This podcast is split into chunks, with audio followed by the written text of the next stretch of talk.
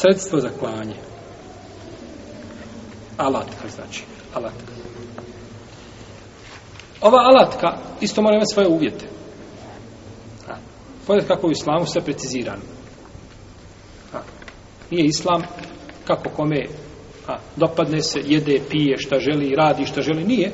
Nego imaju, znači, pravila, imaju principi, imaju uvjeti, imaju šartovi. Pa čak šartovi znači kada je u pitanju jel, klanje životinje. Ta, ta alatka mora biti oštra. Mora biti znači oštra. To je prvi uvjet da može presjeći znači ovaj ono što treba da presjeće prilikom klanja. Drugo, da ne bude kost niti zufor,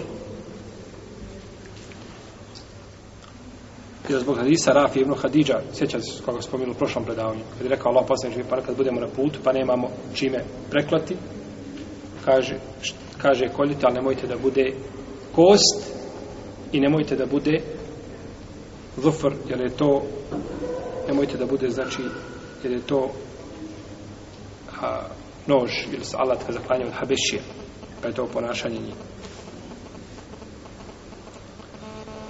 Ako bi klanje bilo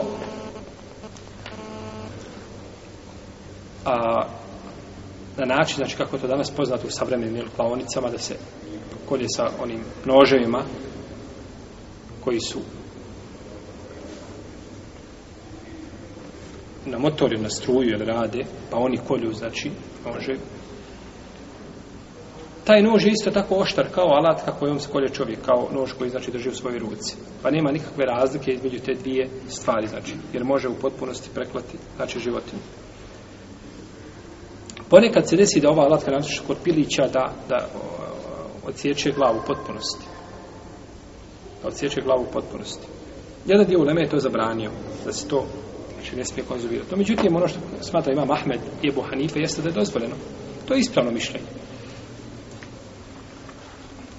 jer se prerezalo ono što se treba prerezati, ili tako? A od viška glava ne boli. Boli od viška glava, i kako? Viška glava boli, no međutim u ovome slučaju ne smeta. U ovome slučaju ne smeta.